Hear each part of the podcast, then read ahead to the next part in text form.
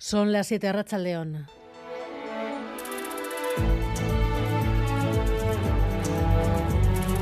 Gambara con Arancha García.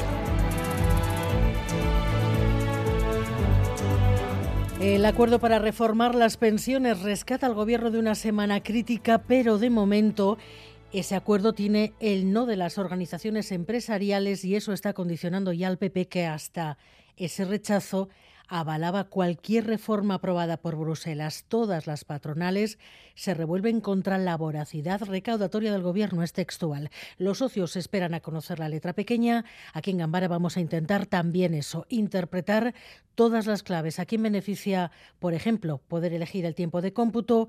¿A cambio de qué van a subirse las cotizaciones a los salarios más altos? Y sobre todo, cómo se garantiza la sostenibilidad de dónde va a llegar el dinero a la hucha de las pensiones.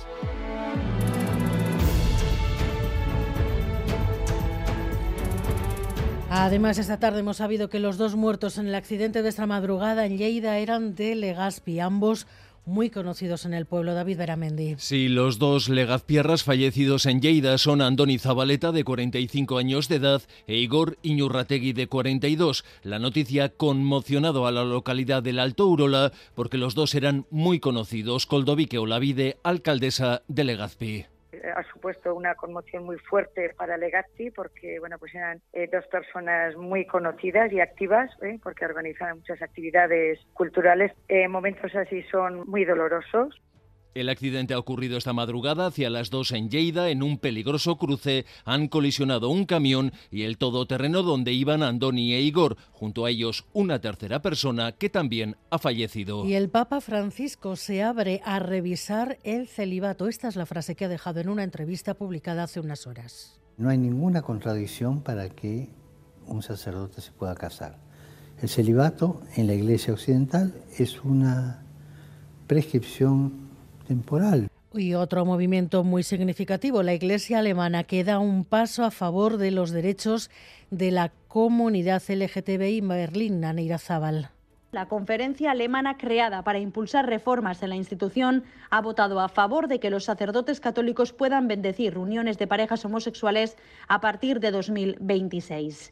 176 de los 202 integrantes de este foro, compuesto por obispos y seglares, ha aprobado esta iniciativa, aunque en muchas parroquias alemanas los sacerdotes ya bendicen a parejas de homosexo, pero siempre de manera no oficial y enfrentándose a posibles sanciones.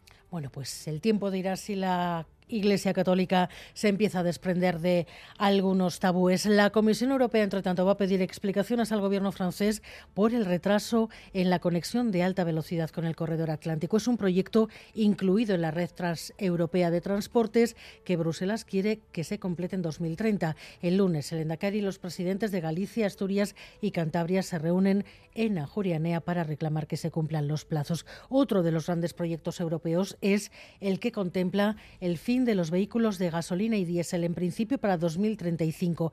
De momento pendiente de los reparos de Alemania y Francia, estos plazos también preocupan al sector de la automoción vasco y al Lendakari. Necesitaremos tiempo. El horizonte establecido para el año 2035 está a la vuelta de la esquina. Y estos días hemos visto cómo países europeos como Alemania y Francia observan con preocupación este cambio que no será nada sencillo y exigirá un gran esfuerzo. Compartimos esta preocupación. Y el tándem en política migratoria de Francia y Reino Unido hoy han confirmado el cierre del Canal de la Mancha a la inmigración. El resultado de la visita de Sunakal Elisio Latzimón. Hasta ahora, el Reino Unido pagaba 72 millones de euros al año a Francia para que se encargue de frenar las pateras antes de que dejen la costa. Sunak ha anunciado un esfuerzo económico que casi triplica esa cifra, con 543 millones repartidos en los próximos tres años. Hoy nuestro compromiso pasa a un nivel sin precedentes, dice el Premier británico, para hacer frente a este reto común. Se desplegarán 500 guardacostas más, habrá por primera vez un centro de mando conjunto y se abrirá un nuevo centro de detención en el norte de Francia. Y vamos con los deportes, Yago Barostegui a Rachaldeón. a Rachaldeón, a las 8 y media de la tarde tenemos baloncesto en el Bues Arena de Gasteiz, eh, partido de la Euroliga en el que se enfrentan el Vasconia y el Mónaco. Mañana además eh, juega Osasuna en el campo del Valencia, jornada 25 de Liga en Primera División de Fútbol. Yago Barrasate ha citado a Rubén García que ha estado lesionado y es la novedad en la lista de convocados. En golf, eh, John Ram, de Barrica, se ha visto obligado a abandonar antes de comenzar en California el segundo recorrido del torneo de Players por problemas estomacales.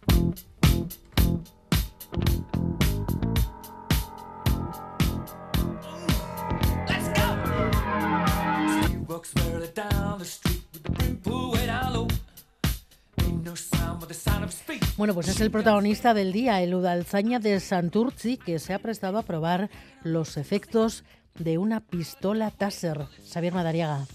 El vídeo no deja indiferente a nadie. A la mayoría nos parece una locura, pero entre agentes puede llegar a verse como una heroicidad. Ismael Lasayas es el valiente Udalzain. En un cursillo Taser se ofreció voluntario para probar la pistola electroshock.